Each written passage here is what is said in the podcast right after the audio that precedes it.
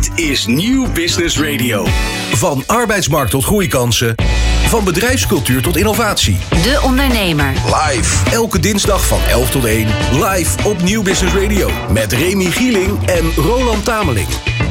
Welkom terug bij de Ondernemer Live. Wat staat in de Klein Bedrijf Index? We praten er zo meteen over met Hans Biesheuvel. Maar eerst eventjes dit, eh, Roland. Je bent net teruggekomen uit China. Ja, Hoe was dat daar? Want waar was je ook alweer voor? Voor de, voor de, voor de autobeurs van Shanghai? eh, fascinerende ervaring was het. We zijn inderdaad eh, naar de autoshow van Shanghai gegaan. Dat is de grootste ter wereld. En eh, wij zijn eh, onder andere daar gaan, gaan kijken natuurlijk naar de trends en de ontwikkelingen en de enorme stappen die de Chinese auto-industrie maakt. Waar wij ook allemaal in Nederland heel veel van gaan merken. Jij En- maakte een voorspelling. Je zei, die Chinezen, ja, dat wordt de grootste, auto, eh, oh, oh, de, de grootste autoland ter wereld. Ja, eerder morgen dan overmorgen. De stappen die ze daar zetten, de investeringen die worden gedaan, onder andere bij Lotus. Ik was de gast bij Lotus. Ehm, we zijn ook in Wuhan geweest eh, bij een fabriek die daar is neergezet. Specifiek voor het maken van de elektrische Lotus die eraan eh, komt, de Electra. En eh, daar is even lachend een miljard euro, eh, miljard dollar moet ik zeggen, neergelegd om die fabriek uit de grond te stampen. Ja, on-Europese En prijzen zijn Als we het hebben over AI en over technologie en over zeg maar de, de, de technologie die in die auto's zit. Ik ga zo even een klein, eh, een klein eh, een voorbeeldje geven. Hebben jullie enig idee wat tops zijn? Help ons. Dat zijn trillions of operations per second. Oftewel triljoenen aan berekeningen per seconde die een computer kan maken. De Lotus Electra heeft straks 500 tops. Dat is ongeveer eh, anderhalf keer zoveel als wat er nu nodig is. En dat doen ze zodat die auto over 10 jaar als software nog ingewikkelder en groter wordt. Nog steeds zelfstandig kan rijden bijvoorbeeld. Nou, om je aan te geven. eh, eh, Tesla zit nu, zit nu op ongeveer 144 tops. Bizar. Edwin eh, van der Ham, onze co-host eh, vandaag, en ik die zaten eventjes eh, te verlekkeren te kijken naar die Lotus die je hebt meegenomen. Waar Wat we een zo vrij meteen meer over gaan horen. Ja. Jij zat, hoeveel dacht jij dat die zou kosten? Ik denk 225.000 euro. Ik zat op 180, dus wie heeft er gelijk? Dat hoor je straks. Mooi, want we gaan eerst bellen met Hans Biesheuvel. Van arbeidsmarkt tot groeikansen. Van bedrijfscultuur tot innovatie. De Ondernemer. Live. Elke dinsdag van 11 tot 1. Live op Nieuw Business Radio. Ja, aan de lijn hangt Hans Biesheuvel van ONL. Want we gaan het hebben over de negende kleinbedrijfindex. Waar het blijkt dat meer dan de helft van de kleine ondernemers niet normaal rond kan komen. Waardoor ze onder andere burn-out risico's lopen. De problemen door hoge energieprijzen en personeelstekorten zijn echter flink afgenomen in het kwartaal. Ehm, en de makers van onderzoek raden aan om meer aandacht te besteden aan de preventie van burn-outs bij ondernemers. En slimmer te werken in plaats van harder. Hans, jullie zijn al eh, eh, sinds jaar en dag betrokken bij die kleinbedrijfindex. Wat is jou deze keer opgevallen? Nou ja, je hebt net al een beetje verwoord. Het gaat wel beter met het kleinbedrijf. Dat is het goede nieuws. Hè? Na twee nou ja, zeg maar moeilijke coronajaren voor heel veel kleine bedrijven.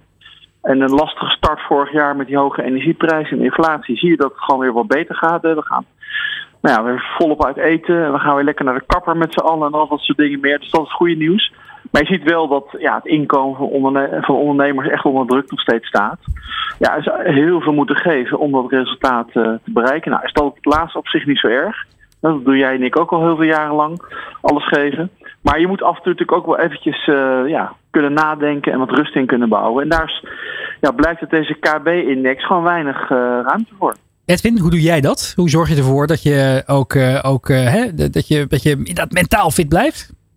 Ja, het is vooral Nou een ja, stukje, ik- ik- een stukje reflectie wat belangrijk is bij mij. Kijk, ik ben ook zo'n ondernemer die al 30 jaar lang eh, zes dagen in de week en vier avonden werkt. En dat is natuurlijk wel heel mooi. Maar het is niet altijd verstandig. Dus het is eh, goed om op tijd je reflectiemomentjes eh, te pakken. Eh, zelf doe ik dat. Ik heb de laatste vijf jaar veel gestudeerd. En dat zijn voor mij de momenten om, eh, om toch even te kunnen helikopteren. Want anders merk ik, dan gebeurt het niet bij mij. En eh, hard werken doet eigenlijk ieder ondernemer wel. Maar reflecteren, dat vinden wij vaak als ondernemers best moeilijk. Want we zijn doenertjes. Ja, reflecteren. Is dat iets eh, waar jij ook, eh, wat jij onderschrijft, eh, Hans? Nou, enorm. Ja, kijk, ik, ik start zelf iedere morgen met een half uur door het bos wandelen. Om half zeven, eh, s ochtends. En dan luister ik in mijn oortjes, eh, mijn oortjes in naar Bas van Werven. Zo begin ik mijn dag, zeg maar. Dat is een goede start van de dag met Bas van Werven. Ja. Ja, nee, maar goed, dat vind ik heel belangrijk. En ik merk gewoon als ik het 's ochtends een keertje moet overslaan, dat ik me gelijk wat minder fit voel zo'n dag. Dus ik dat, ik geef wel aan dat, nou, dat je dat gewoon nodig hebt. In ieder geval ik wel. Ehm, maar ja, je bent niet altijd in de gelegenheid natuurlijk om die momenten te pakken. In, de coronatijd bijvoorbeeld, ja, zaten we natuurlijk allemaal in een soort tunnel was het niet zo makkelijk om die rust eh, te vinden, zeg maar. Ehm, ja, en eh, wat je nu merkt, ik heb heel veel werkbezoeken, leg ik af iedere dag, ook vandaag weer. Dat heel veel ondernemers op dit moment worstelen met en lage marges. Eh krapte natuurlijk, hè, moeilijk om personeel te vinden. Ja, en dan is al snel de neiging van ja, dan ga ik nog maar wat meer uren zelf maken, nog wat harder werken. Ja. ja dat kan je soms heel duur komen te staan. Dus dat is gewoon niet verstandig. Nu zijn eh, burn-outs niet de enige eh, wat opvalt in de kleinbedrijfsindex dit jaar. Het gaat ook, het onderzoek richt zich ook onder andere op bedrijfsfinanciering. En Ja. er wordt ook gewaarschuwd voor flitskredieten, waarbij de rente soms ook kan oplopen tot ver boven de 40 Ja. Dat, eh, dat, zijn, eh, dat, dat hebben we sinds eh, de, de, D- de, de DNB-debakel niet meer, niet meer, hebben we het niet meer Noem meegemaakt. het gerust diefstal. Nou ja, kijk, wat je natuurlijk ziet, hè, kijk, je hoort er elke dag over eh, hè, in de pers en ook in de Tweede Kamer gaat veel over, ja, hoe komen bedrijven eigenlijk aan financiering? Hè? Want de- zeker de kleinere MKB ja, kan eigenlijk niet meer terecht bij de banken. Nou, ja, daar, daar duiken natuurlijk allerlei partijen bovenop. Er zitten hele goede partijen tussen, zoals credits. Maar ook veel minder goede partijen die inderdaad die hoge rentes vragen. Maar ja, je hebt dus ondernemers gehad, ook het afgelopen jaar. Ja, die ha- zagen die energierekening oplopen, moesten belastingsschuld gaan terugbetalen uit de coronatijd. Noem maar op. Ja, en dan is toch de verleiding om dan maar voor een snelle financiering te gaan soms eh, best wel groot. En dan vergeet je even die hoge rente. Ehm, ja, en daar waarschuwen wij gewoon voor. Let op wat je doet, met wie je in zee gaat. Want ja, snel geld klinkt wel leuk, maar dat kost heel erg veel eh, aan rente. En dat ja, kan meestal niet uit bij die kleine bedrijven. Edwin, jij kreeg, eh, jij kreeg op, eh, op, toen jij startte nog eh, 800.000 gulden van, van de Rabobank, gelukkig. Hoe kijk jij aan tegen, die, tegen, tegen dit soort ja, enorme rentetarieven die wel eens worden gerekend? Ja, dat is, gewoon, eh, dat is gewoon diefstal. Maar ik zie dat inderdaad om me heen ook al gebeuren. Het is eigenlijk ook wel logisch. Want die kleine ondernemers die vroeger gewoon naar de bank konden gaan voor een lening van 50.000 euro. eh, dat kan niet meer. Maar vanuit de bank kan dat ook niet meer. Die moeten zoveel daarvoor doen. Wij zijn er bij eh, Monta ook al mee bezig. Wij hebben natuurlijk 1700 webshops. Zijn vaak kleine ondernemers die groeien. Dus die hebben behoefte aan krediet. En dan zie ik dit soort dingen ook wel gebeuren. Ja. En dat, dat is gewoon niet goed. 14, 15 procent rente betalen. Wij zijn nu bezig om eh, te fungeren als, eh, als, als third party. Samen met in dit geval de Rabobank.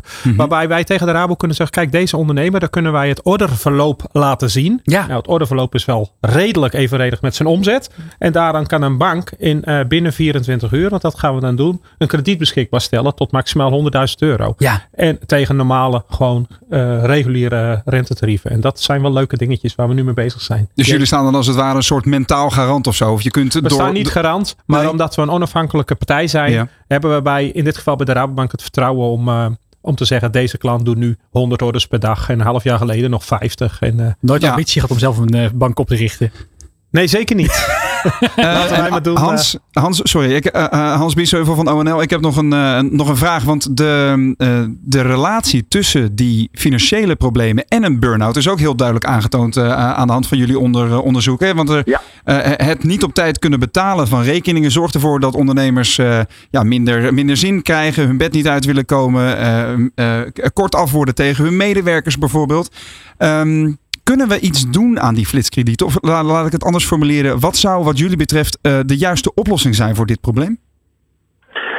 Nou, het in elk geval hè, goed onder, onder de aandacht brengen, zeg maar, bij ondernemers zelf. Daar begint het mee. Kijk, we zijn in eh, Den Haag natuurlijk ook aan het lobbyen om toch, eh, nou ja, zeg maar, dit soort aanbieders wat moeilijker te maken om zomaar de markt op te komen. Eh, eh, nou ja, je weet, hè, Ronald Kleverlaan van Stichting MKB Financiering eh, is er ook druk mee bezig. Ehm, en ik denk dat het belangrijk is ondernemers zich ook gewoon heel goed oriënteren voordat ze met een financier in zee gaan. Je kan via allerlei websites, via de Kamer van via de Stichting MKB Financiering, maar op, kan je heel goed uitvinden, ja, wat zijn nou goede, betrouwbare eh, financiers eh, eh, en welke zijn dat eh, niet. Maar, en ook belangrijk, zoek een goede adviseur. Ik hoorde net een mooi voorbeeld eh, van iemand die dan ondernemers kan bijstaan. Eh, nou ja, dat, dat zou ik zeggen tegen ondernemers. Als je dan zelf niet zo veel tijd hebt om hè, je te oriënteren op die markt, zoek dan, dan gewoon een betrouwbaar, goede adviseur. Heel erg mooi advies. Dankjewel vandaag voor je toelichting. Hans Biesheuvel van ONL. We hopen je heel snel weer te spreken bij De Ondernemer Live. De Ondernemer De Ondernemer live. op Nieuw Business Radio. Ja, naast ons in de studio zit nog steeds Edwin van der Ham van Monta.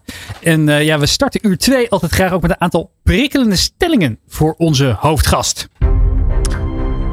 Roland, wil jij beginnen? Ik wil wel beginnen, ja hoor. Webshopklanten zijn een beetje verwend. En met webshopklanten bedoel je consumenten? Ja, Ja, die zijn, eh, natuurlijk zijn die verwend. Aan de andere kant, eh, dat is op zich wel goed.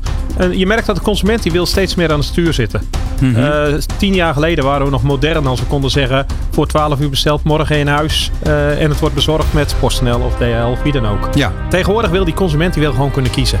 En sommigen willen het morgen hebben. Sommigen willen het met een groen labeltje hebben. En sommigen willen het volgende week vrijdag bezorgd hebben door DPD. Omdat die het toevallig in de groene kliko altijd zo netjes het pakketje gooit. Dus die consument wil steeds meer aan het stuur zitten. En dat hebben wij te faciliteren. Afleveren op een pakketpunt, dat heeft de toekomst. Ja, dat is wel heel belangrijk. Maar niet alle pakketjes zullen in de toekomst bij een pakketpunt worden afgeleverd. Maar dat is wel een trend dat dat steeds meer en meer wordt. Ja. En dan eh, verzenden via drones, zoals eh, Amazon probeert. Maar ook in landen met uitgestrekte, eh, uitgestrekte gebieden steeds gebruikelijker is. Gaat in Nederland ook gebeuren. Ik vraag het me af. Eh, dat praten we al tien jaar over. Ja. Ik zie het nu op korte termijn niet, eh, niet gebeuren. De komende vijf jaar in ieder geval niet. Oké. Duurzaamheid en winstgevendheid zijn onverenigbaar in de e-commerce sector. Die zijn onverenigbaar. Als winstgevendheid eh, een belangrijke doelstelling is, dan is het vaak moeilijk. Als je winstgevendheid ziet als een gevolg van goed voor je mensen zijn, eh, duurzaam met onze omgeving omgaat, dan is het zeker wel verenigbaar. Fysieke winkels zullen binnen 20 jaar volledig verdwijnen door de groei van online shoppen. Nee, dat denk ik niet. Ik denk dat er eh, voor fysieke winkels is er ook zeker wel een markt. En ik zal iedere fysieke winkelier ook de tip willen geven. Maar dat weten ze zelf ook al. Zorg dat je die online omgeving meepakt. Ik ben Omarm het. Ik ben een lastige baas om voor te werken. Ja, die vraag moet je niet aan mij stellen natuurlijk. ik hoop niet dat mijn mensen dat zullen zeggen. Ik, ik denk dat, het, dat ze dat niet zullen zeggen. Ze zullen wel zeggen, denk ik, dat ik best veel eisend ben. Ja? Ja, dat denk ik wel. En tikkeltje eigenwijs? Ja, dat ook wel. Ja. En dan nog eentje over die, be- die bezorgingsmethode. Same day delivery moet de standaard worden voor alle webshops om concurrerend te blijven. Eh, je moet het aan kunnen bieden. Maar als wij kijken hoeveel pakketjes bij ons via same day delivery worden verzonden, dat zit onder de 1%. Dus het is wel een mooie feature. Hangt een beetje van de producten af. Maar dat, dat verschuift niet door het consumentengedrag.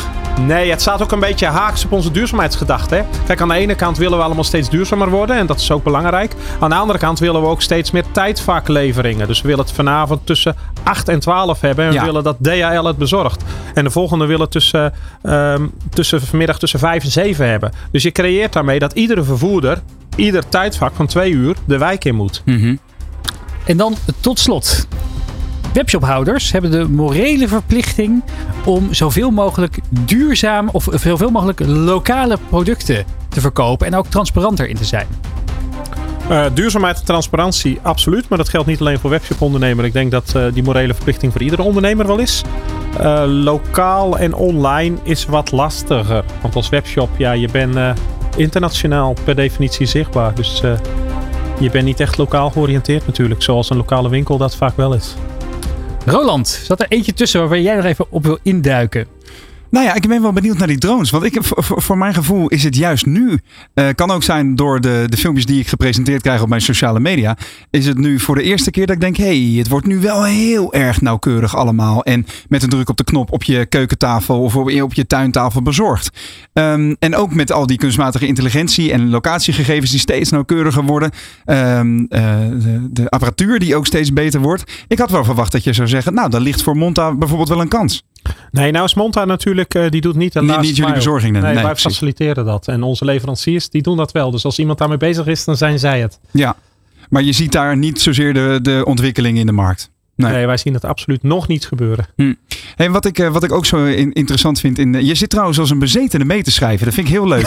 ja, dat is, dat is wat eigenlijk. Iedere tip die, je- die je hoort of zo, die gaat, eh, gaat in het boekje. Hè? Dat Ja, is, dat dat klopt, is ja. wel, interessant. Hij is gewoon een sudoku aan het invullen. Nee, grapje, wel. Ik vond het een beetje saai worden. Dus, eh, Ja, nou, maar dit, dit is wel. Kijk, eh, met die stellingen duiken we natuurlijk een beetje de toekomst in. En willen we ook een beetje peilen bij jou waar, waar jij het heen ziet gaan. Eh, eh, wat, wat jou betreft, je bent natuurlijk enorm bezig met, met internationale expansie op dit moment ook. Ja. Daar gaan we straks nog wat verder over, over doorspreken. Maar wat zou wat jou betreft, wat is de belangrijkste trend binnen jouw vakgebied? ja, die, eh, die stip je zojuist al aan. We, hebben, we hebben ze allebei eigenlijk, eigenlijk al gehad. Nou, dan, kunnen we door. Nee. Maar, maar ook de internationalisering. Ja. Kijk, als we even kijken naar de generatie boven ons. De mensen die nu 60 zijn. Die zijn eigenlijk op het punt gekomen de afgelopen jaren dat ze ideal vertrouwen. en eh, eh, online aan het bestellen zijn geraakt. Ja. Zeker eh, versneld door corona. Als je naar de veertigers kijkt, die bestellen al tien jaar online. Maar voornamelijk op Nederlandse websites. Kijk ik naar de tieners, die bestellen net zo makkelijk op een Chinese website als op een Nederlandse website. En dat geldt natuurlijk ook voor die Chinese tieners, die net zo makkelijk op een Nederlandse website bestellen. Juist. Dus alles is in het Engels en dat vertrouwen wordt steeds hoger, zeker bij de jeugd. Dus die internationalisering, die zien we ongelooflijk versnellen. En zeker na corona, in de coronaperiode hebben onze klanten, en wij daarmee ook, hebben wel meewind gehad natuurlijk, eh, twee jaar lang. En toen, eh, toen ging Nederland weer open, vorig jaar februari. En al die consumenten die gingen weer eh, terug naar de winkels. Nou, mooi voor de retailers, die gingen naar de horeca. En de e-tail die kreeg ongelooflijke klap op dat moment.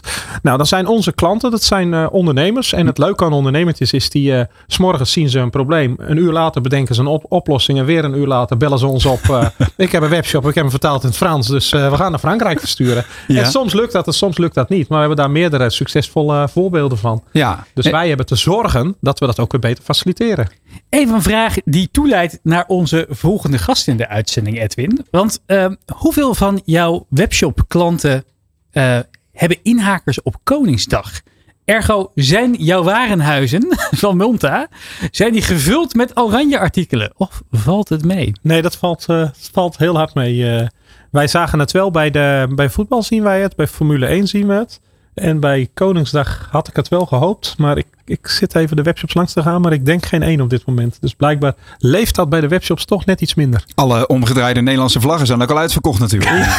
Inderdaad, republikeinen eh, in, eh, in ondernemersland eh, kennelijk. Bij, dat is anders bij de broers Max en Bob Ponsen. Zij lanceren tijdens Koningsdag de Koninklijke Gig. Een nieuwe hard seltzer met sinaasappelsmaak. De Gig Hard Seltzer is een grote onafhankelijke hard seltzer producent in Nederland. En verwacht dit jaar 5 miljoen blikjes te kunnen verkopen. Het, festival, het festivalseizoen moet volgens de ondernemers een uitgelezen kans zijn om eh, deze drankjes onder de aandacht te brengen bij de doelgroep van de millennials en de Gen Z'ers. En aan de lijn is Bob Ponsen. Goedemiddag, hallo. Leuk om eh, in de uitzending aanwezig te zijn. Ja, hoe, eh, hoe leef jij toe naar komende, komende donderdag, Koningsdag? Nou ja, zonder slaap en met een hoop balletjes in de lucht houden. Maar ja, het is echt super gaaf. En zoals je al zei, we hebben een speciale oranje editie voor Koningsdag. Ehm, en eh, ja, daar zijn wij met eh, vele bussen en eh, alle collega's die vandaag bijspringen aan het zorgen om alle blikken naar de mensen te bezorgen die dat besteld hebben. Ja, en want we hoorden net even van, van, onze co-host Edwin. Die heeft eh, 1500 webshops als, als, als klant. Dat heel, ja, veel ondernemers dus geen inhaker doen op, op Koningsdag dit jaar. Ja. Jullie wel. Dus dat is, Ja. dat is eigenlijk wel mooi. Dan val je extra op. Ja, zeker. Kijk, ik denk dat bij een Koningsdag iedereen kleurt oranje en alle mensen kleuren oranje. En wij dachten, nou, wat gaan we daar nou voor doen om het extra speciaal te maken? Ehm, en eh, dus hebben we bedacht om van ons drankje Gig Hard Seltzer de Gig Orange Anthem eh, te eh, creëren. Met een speciale sinaasappelsmaak natuurlijk, maar ook met een mooi oranje uiterlijk.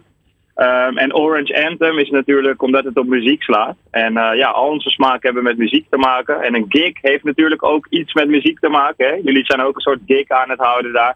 Eh, dus eh, zodoende dat we erop zijn gekomen. Nu is uh, hard zelfs inderdaad populair onder de millennial doelgroep en ook de Gen Z'ers. Maar voor de misschien uh, wat, uh, wat, uh, wat minder uh, drankminnende ja. luisteraar. Kan je nog even uitleggen wat hard seltzer ook alweer is?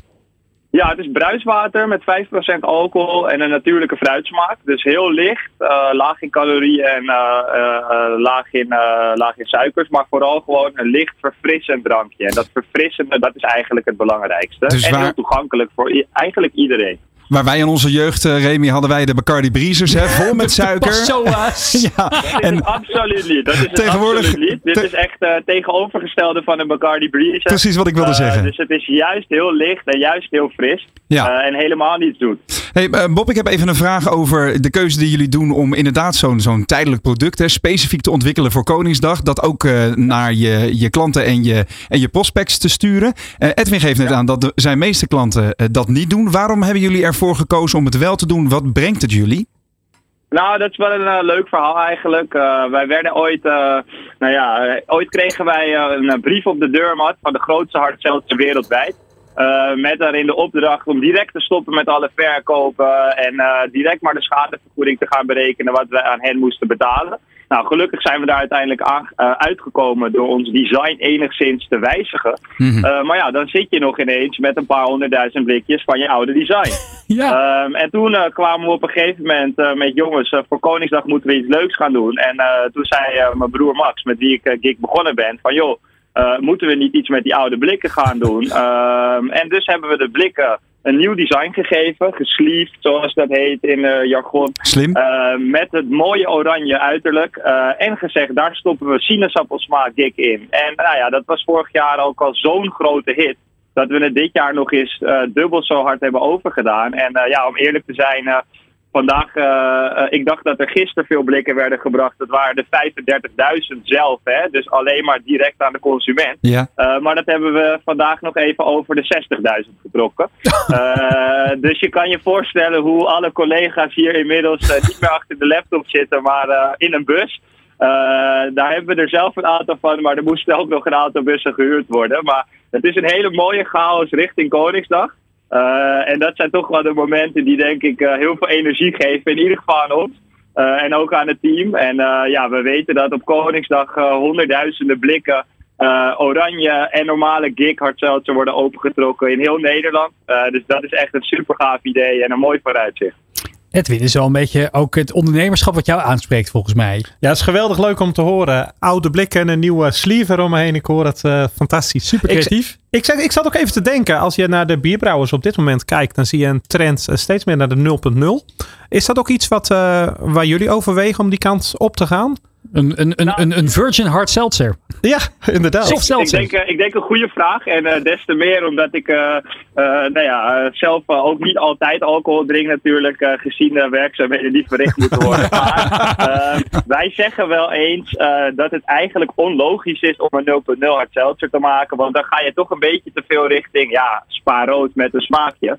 Nou, uh, ik durf het ook op te nemen tegen Sparoot. Net als dat we het durven op te nemen tegen de Heineken's en de Coca-Cola's van deze wereld. Uh, maar het voelt voor ons wat onlogisch. Omdat hard seltzer, hè, het hard, komt eigenlijk van het toevoegen van alcohol. Uh, want seltzer water is spa in Amerika. Is dat eigenlijk de spa zoals we die in Nederland kennen. En hard seltzer is dus eigenlijk spa met een beetje alcohol. Uh, dus we zouden wel een keer soft seltzer gaan uh, kunnen doen. maar nee, wij blijven echt bij hard seltzer. En ja, dat, dat gaan we met Gig de komende jaren mooi uitbouwen. Ja, hyperfocus. Dan nog één vraag over de ja. duurzaamheidsaspect. Want je zegt al inderdaad, er gaan straks honderdduizenden blikken Gig over, over de toonbank. Alleen al met, met Koningsdag, wat natuurlijk heel erg jullie gegund is. Maar ja, hoe gaan we ervoor zorgen dat het milieu daar niet onder leidt? Wat is, wat is jullie duurzaamheidsstrategie? Ja, dat is een hele goede vraag. Nou, wij zijn ook aan het kijken naar hoe wij dat kunnen oplossen door bijvoorbeeld uh, in de studentenhuizen iets van een toepassing te gaan bedenken. Uh, ik moet zeggen dat ik het wel een, een, een lastige kwestie vind, omdat nou ja, de blikken moeten ongedeukt zijn, onbeschadigd in het geheel. Nou, we weten toch dat als mensen alcohol drinken, dat er soms een deukje in komt, laten we het zo zeggen. En ik, ik merk ook wel in de stad, mijn, mijn broer met wie ik dus ik begonnen ben die heeft zich heel erg gefocust op alle, uh, nou ja, de duurzaamheid en op de recycling en het statiegeld. En wat wij ook zien, en hij stuurde toevallig vanochtend een foto daarvan, is dat er een ja, opengescheurde vuilniszakken over de hele stoep lagen. Omdat de mensen nu, die het helaas wat minder hebben dan wij hier, wat ik mag aannemen, die scheuren de zakken open en dus ligt al het vuilnis over de stoep. Dus ik denk dat wij echt goed moeten gaan kijken naar hoe kunnen we dat nou oplossen, dat vraagstuk. Zo hebben wij bijvoorbeeld al voor de studentenverenigingen, want we liggen bij nou ja, alle grote studentenverenigingen in Amsterdam en ook in de rest van Nederland, dus Rotterdam tot Groningen tot Maastricht. En, en, en daar liggen wij al. En wat hebben wij gedaan? We hebben daar fusten voor ontwikkeld.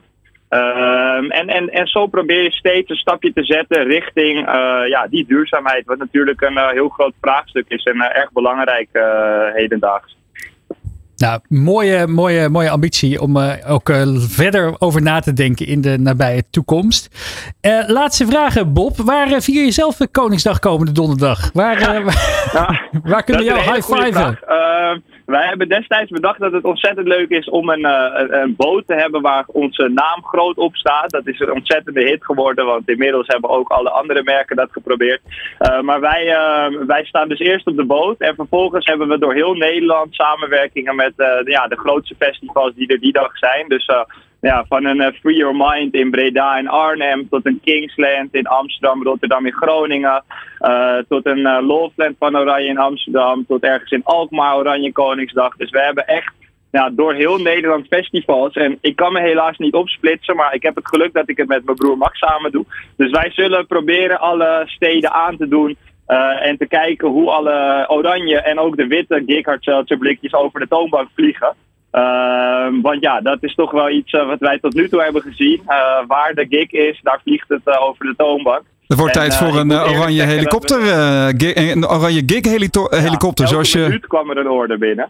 Ah, Dus dat was leuk om te zien. heel goed. Ik wilde zeggen, het wordt tijd voor een eh, oranje gig helikopter. Om eh, zoals eh, de bands op bevrijdingsdag al die festivals af te Zal ik gaan. je heel eerlijk Bob. zeggen dat mijn broertje daarover na heeft gedacht en dat heeft uitgezocht. Het zou me Maar, niks verbazen. Dat is misschien iets voor volgend jaar. Kwestie van tijd Voor volgend jaar.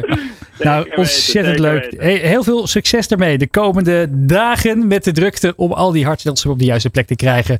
Bob Ponsen van Gig Hard Seltzer. De Ondernemer De Ondernemer live. op Nieuw Business Radio. Ja, en hier in de studio gaan we gewoon verder praten. Niet over alcohol, maar gewoon over keihard ondernemerschap. Ja, en succesvol ondernemerschap mag je wel stellen. Ja, want Edwin eh, van der Ham, eh, je hebt eh, Monta. Ja, sinds jaar en dag heb je dat bedrijf inderdaad vanuit, die, vanuit de eigen, eigen gekochte schuur uitgebouwd tot talloze vestigingen. 1200 medewerkers, eh, 1500 plus klanten. Iedere dag komt er eentje bij. Maar eind vorig jaar was er groot nieuws. Want toen bleek dat DHL, een grote vervoerder, is ingestapt als, als een belangrijke partner in de organisatie. Hoe is dat zo gekomen? Ja, eh, Monta heeft eh, drie aanlouders. Dat, eh, nou, ben ik natuurlijk zelf als, als oprichter. Dat is Dick Burger, een, een grote ondernemer die al een aantal jaren een deel van de aandelen binnen Monta heeft. En de derde aanlouder is inderdaad DHL geworden vorig jaar. Waarom DHL? Eigenlijk om een aantal redenen. DHL is logistiek, het grootste logistiek bedrijf ter wereld. Ehm, Monta is in Nederland marktleider geworden de, de afgelopen jaren. En dat is natuurlijk heel mooi.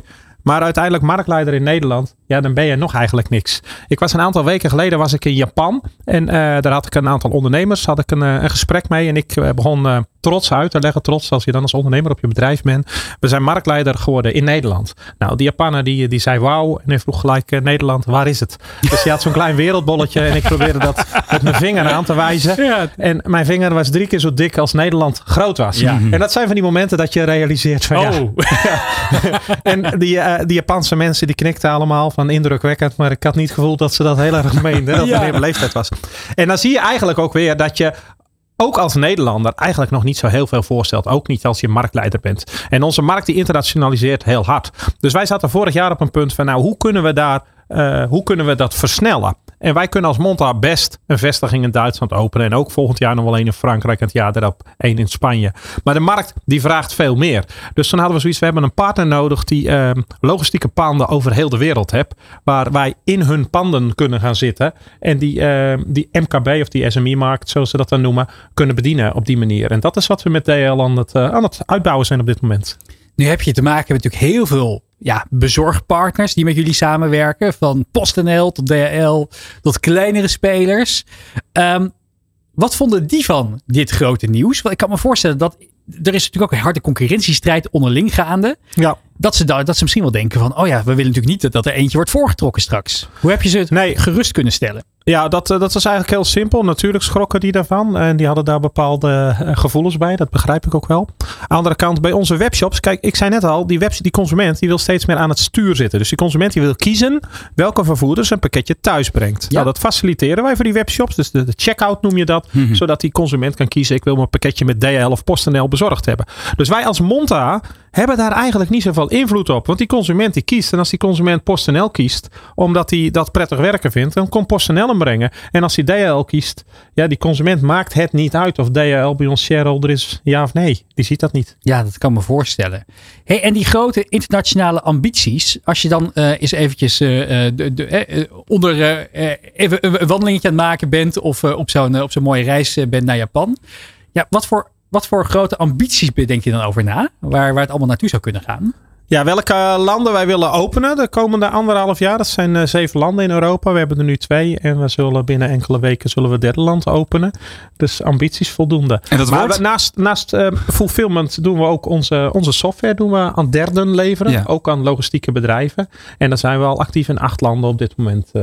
Wat wordt dat, eh, dat nieuwe land dan? Kun je dat, Dat al onthullen? Ja, we zitten in Nederland, Duitsland en België komt erbij binnen enkele weken. Oké. Hey, wat, wat, eh, wat leert DHL van jullie? Ja, die vraag zou je eigenlijk aan hen moeten stellen. Ik denk het stukje ondernemerschap. Uh, DHL is uh, qua logistiek doen ze natuurlijk ontzettend goed. En hun Mhm. klanten zijn vooral de grote uh, wereldwijde spelers. de grote corporate bedrijven.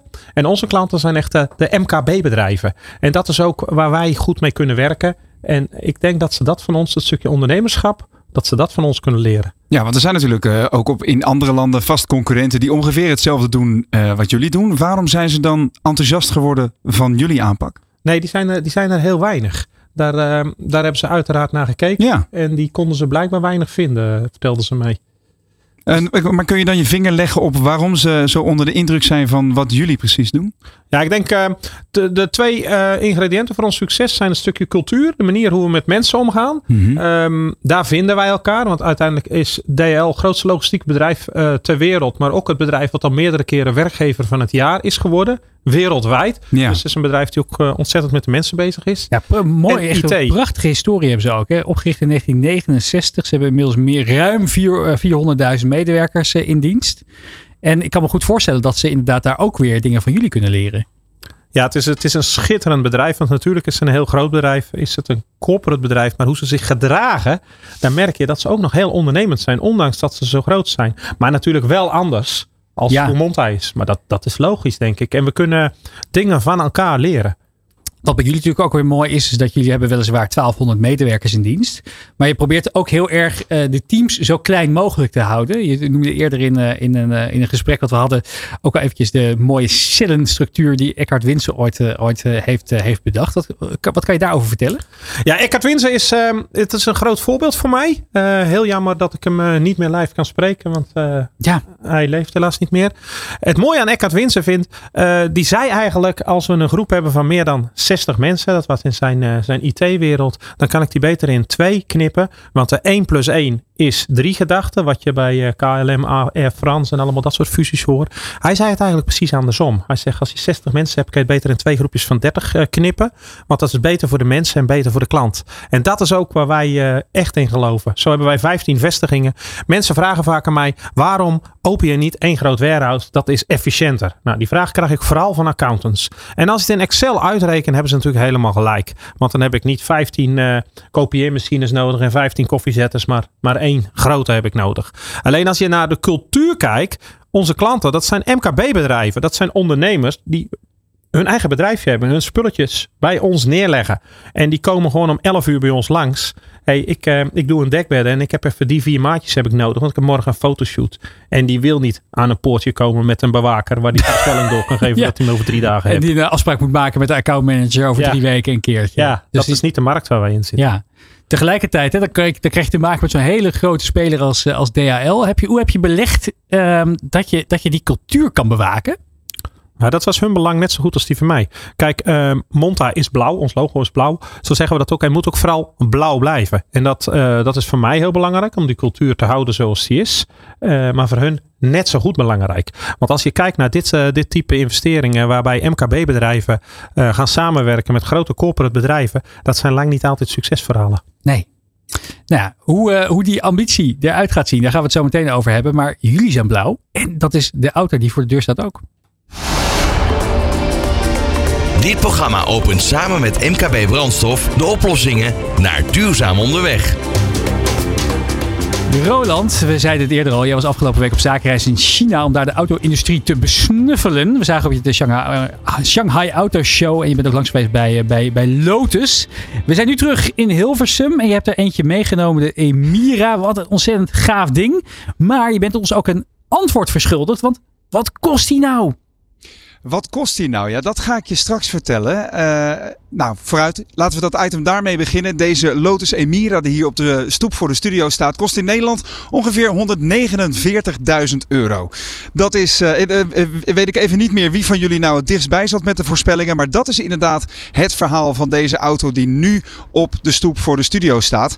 Want Lotus begon ooit in 1948 in Engeland. Hè, het geesteskind van een ingenieur, Colin Chapman. En die blonk uit in lichte kleine autootjes. Deze Emira is het huidige model. En waanzinnig vormgegeven sportwagen, mag je wel stellen.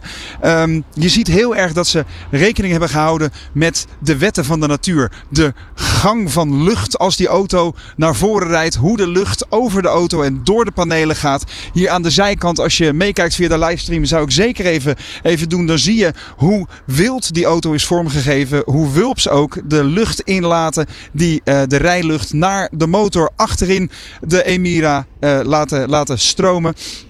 Die motor ligt hier onder een glazen paneel. 400 pk uit een zescilinder met een supercharger. Je hoort het al, het gaat lekker over autootjes. Maar dat is het verhaal van Lotus dat je al kende wellicht. Groot geworden met modellen zoals de Elise, de Exige. Hele kleine autootjes waar ik met mijn poezelige lichaam niet in past. Maar de toekomst van Lotus is heel anders. En daar ga ik over uh, spreken met uh, uh, de man die verantwoordelijk is voor het verhaal van Lotus in Europa. Diederik Rijsma. Diederik, van harte welkom in de show. Goed dat je er bent. Dankjewel. Dankjewel. Ja, wij waren afgelopen week inderdaad samen in Shanghai en Wuhan om het verhaal van Lotus te vertellen. Deze Emira is nu te kopen in Nederland. Maar er komt een ander model aan, de Elettre. En dat is de toekomst van Lotus. In jouw woorden, wat gaat die toekomst behelzen? Nou ja, kijk, het is heel leuk. De, deze Emira is nu, uh, is, wordt gebouwd nog in Hethel, onze uh, fabriek in, uh, in Engeland. Waar eigenlijk Lotus begonnen is. daar wordt nog steeds onze sportauto's gebouwd. maar Lotus heeft op een gegeven moment een nieuwe eigenaar gekregen, Geely. Dat ook de eigenaar is van Volvo bijvoorbeeld. van Polestar, van Link Co. Dus een heel groot concern. En Geely heeft eigenlijk een nieuwe strategie opgezet. Waarbij de focus niet alleen op sportauto's uh, wordt. Maar ook op meer lifestyle auto's. Dus feitelijk gaan wij meer performance gedreven auto's bouwen. En daaronder vallen nog steeds sportauto's. Maar komen ook uh, vierdeurs uh, gezinsauto's zo gezegd. Maar altijd met performance in het achterhoofd. Ja, en die Electra is dus een hele grote, volledige elektrische SUV. 5 meter 10 is die maar liefst. Uh, even snel wat vermogens. Hij is er straks met ongeveer 600 pk, maar hij komt ook met meer dan 900 pk. Alles dus volledig elektrisch. Deze Emira uh, is dus nu, nu nog voorzien van een, uh, van een brandstofmotor. Komt er ook met een viercilinder. Maar dit is het laatste model dat met een verbrandingsmotor geleverd gaat worden. Want jullie toekomst is volledig elektrisch, hè? Ja, dat klopt helemaal. Dus buiten die, die modellen, of het is wat ik vertelde, wordt de volgende stap wordt dus uh, alles elektrisch. En daar zijn we nu mee begonnen met de Elettra. Uh, er is ook al een Ivaya, dat is eigenlijk een 2 miljoen pond kostende uh, uh, supersportauto. Die in gelimiteerde oplage wordt gebouwd in Engeland op dit moment. Ja. Uh, die wordt ook al uitgeleverd aan, aan klanten over de hele wereld. Maar dat is nogmaals een, een auto met een, met een hele kleine, kleine oplage. En meer een soort halo car. Hè, om ja. te laten zien wat we technisch allemaal kunnen. dus dat is eigenlijk de eerste. De Electra komt er nu aan. Daarvan gaan we die uitleveren aan onze consumenten in de, deze zomer, hier in juli. Ja. en vervolgens is er, een, is er in de strategie een, een, stap voor stap gaan we uh, elk jaar een nieuwe auto brengen. Dus na de Electra komt het jaar daarna komt een vierdeurs sedan met een meer een soort coupé-achtige uh, daklijn. Ja. En het jaar daarna komt er een kleinere SUV. Dus dat is eigenlijk het model, één model daaronder. Ja. En het jaar daarna komt er nog een twee-sits sportauto. Ja. Maar bij alles is elektrisch en dat is denk ik ook de kern van de, de, de, de strategie van Lotus. En wat je gaat zien in de toekomst, ik heb ze al een beetje mogen bekijken, dan zie je dat die auto's allemaal ongeveer het DNA krijgen, qua design in ieder geval, van de Lotussen die je van oudsher kent. Hè. Waaronder dus ook deze Emira. Wat echt, nou ja, kijk maar even mee via de livestream. Het is een oogstrelende bolide. En ik heb hem eerlijk gezegd ook nog niet eerder in het daglicht gezien, zeg maar tussen andere auto's. De auto die hier voor de deur van de studio staat is felblauw. Dit is nou precies waarom jongetjes autoliefhebbers worden. Hè. En dat is ook wel uh, heel interessant. De gedachtegang en de geschiedenis van Lotus is natuurlijk een heel dankbare uh, basis om een merk op uit te bouwen, Diederik.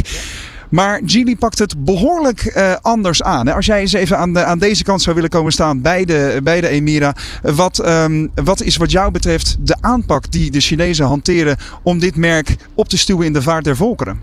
Nou, kijk, die- eh, een van de elementen is dus eh, vanuit het verleden is Lotus bekend om zijn eh, aerodynamics, om zijn, om zijn hele innovatieve oplossingen, om altijd eigenlijk alles zo efficiënt mogelijk en zo goed mogelijk neer te zetten. Deze auto zie je dat het design we noemen dat poreus is, sporosity. en, en dat zie je ook in de Electra terug. Dus het heeft, eigenlijk is het de, de Electra een, de, de meest ehm, aerodynamische SUV die er bestaat in de wereld op dit moment. Dus hij heeft eh, een heel veel elementen om die auto meer aerodynamisch te maken. En dat is ook een hele eh, eh, een sterke link naar het verleden, waarmee Lotus eh, feitelijk in de jaren 60 en 70, wat wij allemaal nog weten, de, de John Player Special Livery, eh, de auto die eh, in de jaren 60, 70 eh, eigenlijk eh, heerste op het Formule 1 eh, circus. eh, met meerdere wereldkampioenschappen. En Ja, ze wisten donders goed wat ze deden. Zeven wereldkampioenschappen maar liefst. En, en ja, dat bedoel ik ook met een mooie basis natuurlijk van het merk. Hè. Ehm, maar enerzijds zou je kunnen zeggen, autoliefhebbers zeggen... ja, maar Lotus is groot geworden met, met kleine, compacte, lichte sportautootjes. Maar nu ga je dus naar grote, nou, elektrische, dus zware familieauto's. Want hè, de, het eh, batterijpakket van de Electra is 112 kilowattuur groot. Daarmee komt hij zo'n 600 kilometer straks. Eh, maar dat, alleen het accupakket weegt al ongeveer zoveel als de eerste Elise.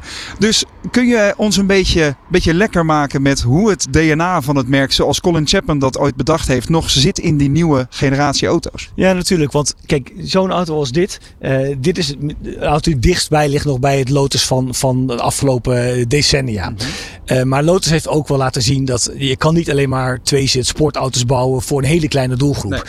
Dus Lotus heeft nu in de nieuwe strategie gezegd, we moeten onze pot- potentiële doelgroep moet gewoon groter worden. En daarvoor moet je dus eigenlijk gewoon eh vierdeurs auto's gaan bouwen. En daarmee kan je nog steeds die twee zits sportauto's ook bouwen. Maar het eigenlijk feitelijk zijn er ook wat andere Duitse sportmerken die exact hetzelfde gedaan hebben. Ja. Neem, noem bijvoorbeeld Porsche. Eh, die bouwden ook ooit alleen maar 911. En die zie je ook, die zijn opgeschoven naar eh, SUV's, naar vierdeursauto's. En dat is eigenlijk feitelijk de, de strategie die Lotus nu ook hanteert. Ja. En, en, en om, een, om een, eh, een indicatie te geven, eh, de Electra, waar we het net over hadden, die, eh, de snelste versie gaat in 2,95 seconden naar de 100.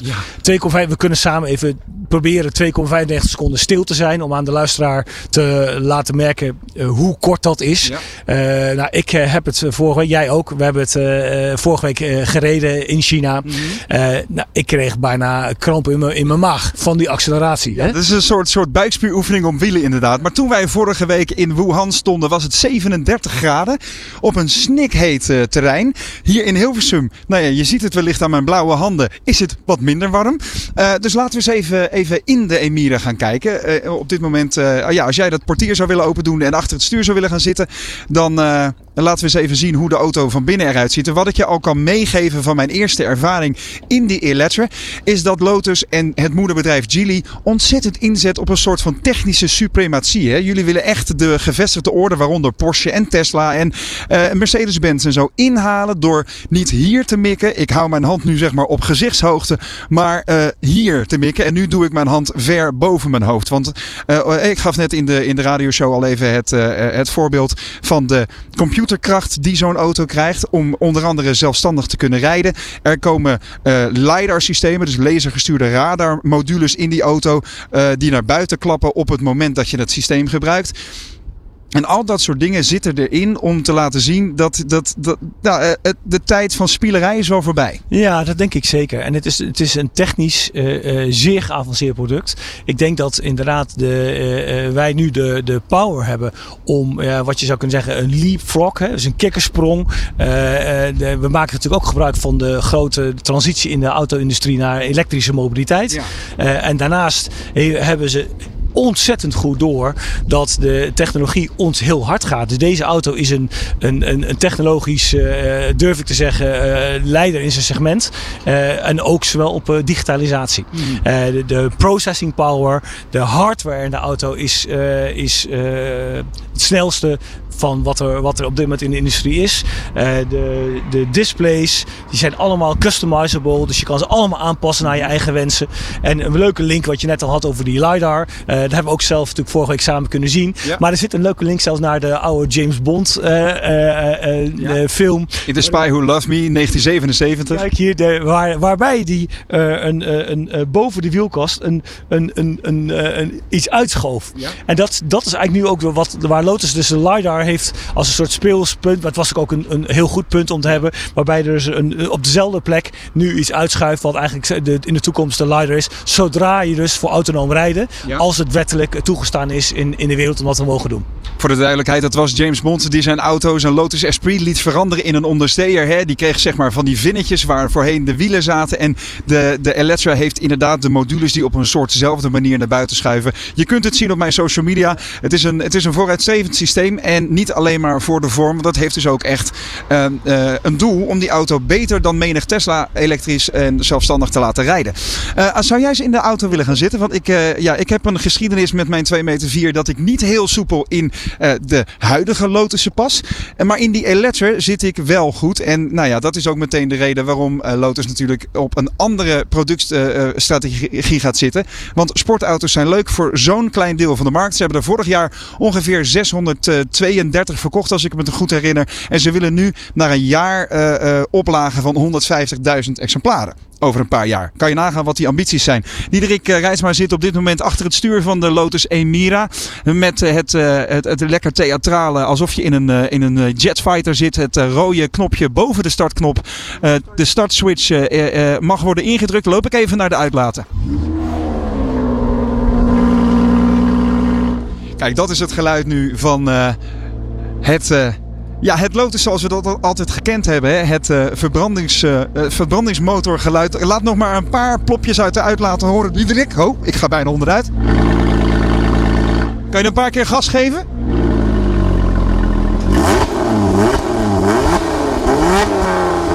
Kijk, zo, zo klinkt de Lotus Emira dus. Um, op dit moment nog wel met verbrandingsmotoren. In de toekomst niet. Lotus wordt volledig elektrisch. Veel vooruitstrevender, zegt het merk zelf dan, dan andere merken. En dus mede dankzij China. Geweldig om te weten. Iedere uitdaging is een kans om met een slimme oplossing te komen. Daarom wordt dit programma mede mogelijk gemaakt door MKB Brandstof. Ja, Edwin, jij bent de automan in hart en nieren. Uh, Lotus is inderdaad overgenomen door, uh, door de Chinese maatschappij. Waarschijnlijk zeer verstandig. Hoe groot schat je de kans dat je zelf in een Chinese auto gaat rijden? Nou, de eerste jaren voorlopig nog niet. Ik ben wel van Duitse en Italiaanse auto's. Dat vind ik helemaal geweldig. Dat is een grote passie voor. Uh, dus ik denk dat dat nog wel even zal duren. Maar ik sluit het zeker niet uit. We sluiten niets uit wat de toekomst ons gaat brengen. We hebben het vandaag natuurlijk over, ook over de groei van, uh, van jouw bedrijf uh, Monta. Wat, uh, wat ja, talloze webshops helpt met de pakketjes de volgende dag bij de klanten in huis krijgen. Dat doe je met nou, meer dan 1200 zeer gemotiveerde collega's.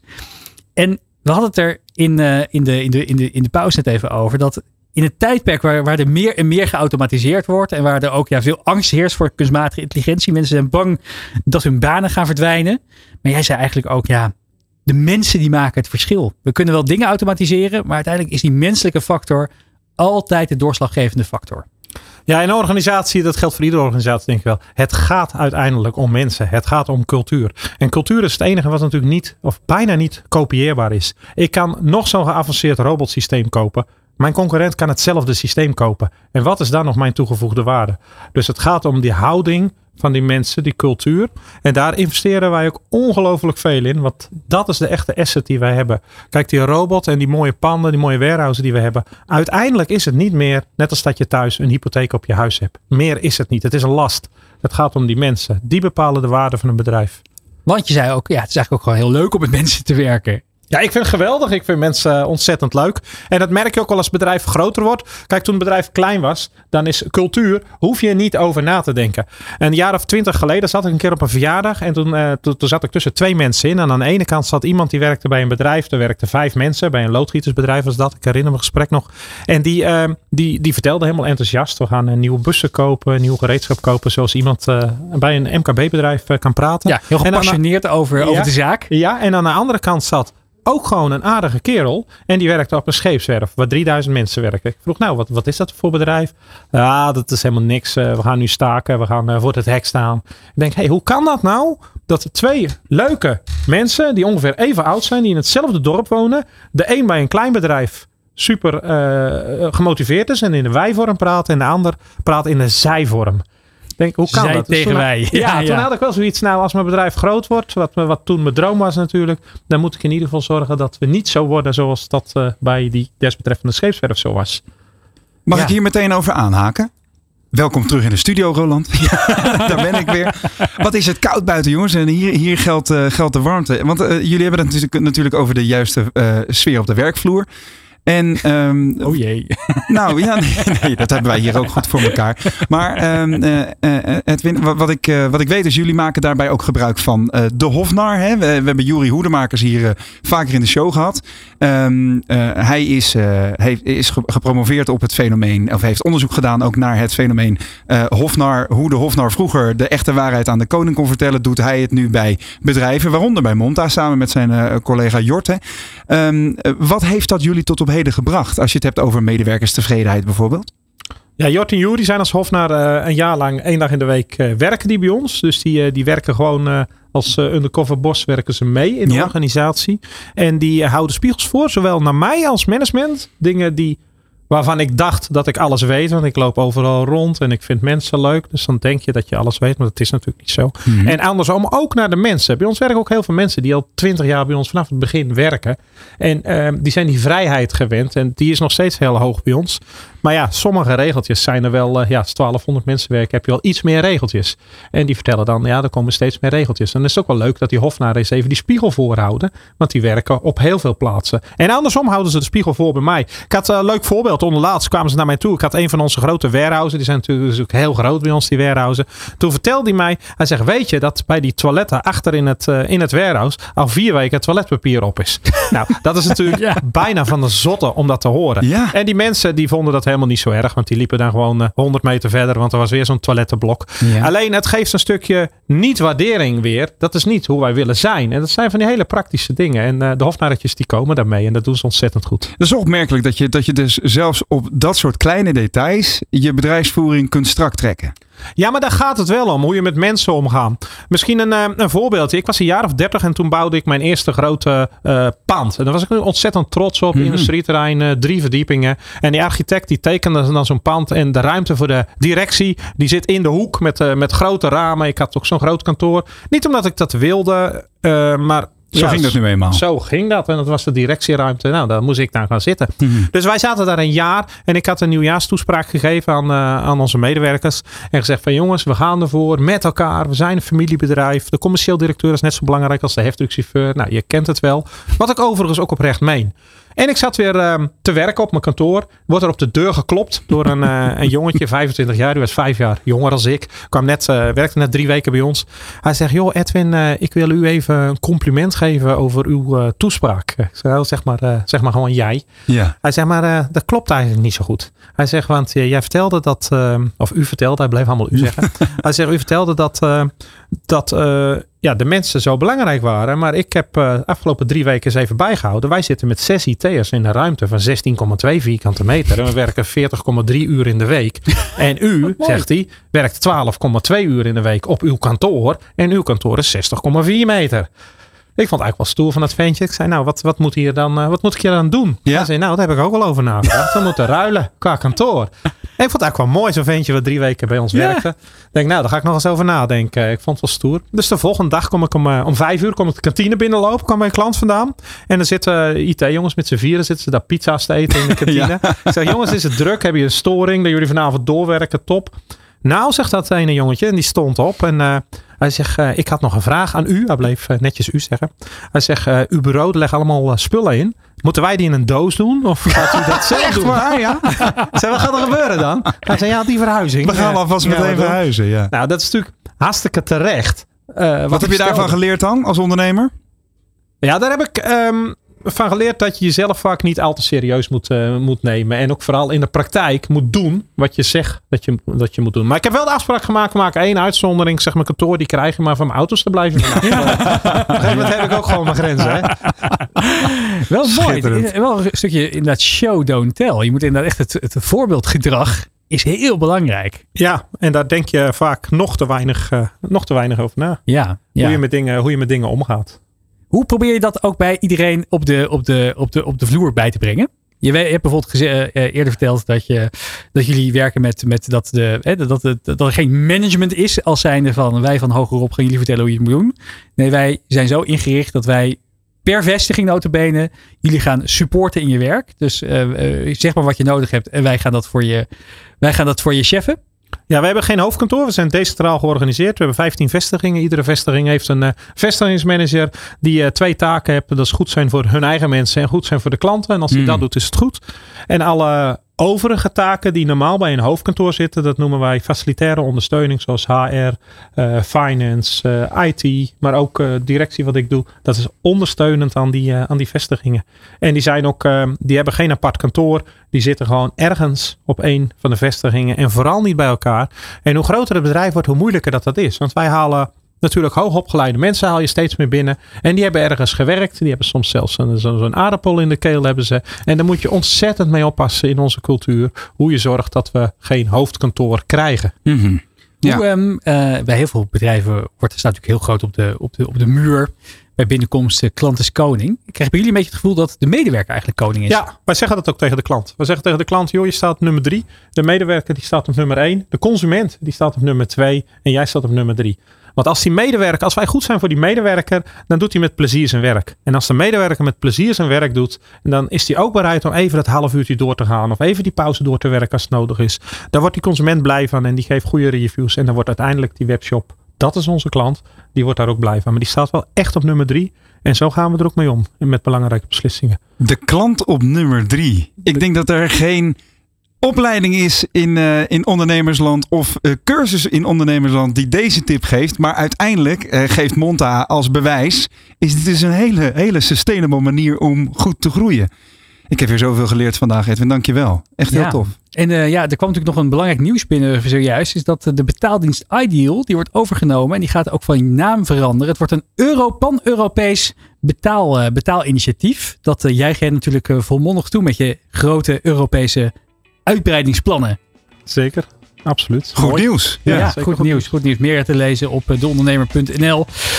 Edwin, ik wil je hartelijk danken voor je komst eh, vandaag. Heb je nog famous last words? Heb je nog een laatste advies voor de kijker en luisteraar? Nee, ik vond het super leuk om hier te zijn. En eh, ik wens alle andere ondernemers eh, heel veel succes met het eh, ondernemen. Ja, dat was hem weer voor deze week. Eh, De Ondernemer Live is terug te luisteren en terug te kijken op YouTube en je favoriete podcastplatform. Volgende week zit ik hier weer met Jonathan van Noord. Heel Mag graag. ik weer niet meedoen? Jij gaat naar Amerika. Ga even op vakantie inderdaad. Het is je gegund. Tot volgende week. Yes.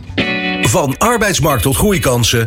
Van bedrijfscultuur tot innovatie. De Ondernemer. Live. Elke dinsdag van 11 tot 1. Live op Nieuw Business Radio.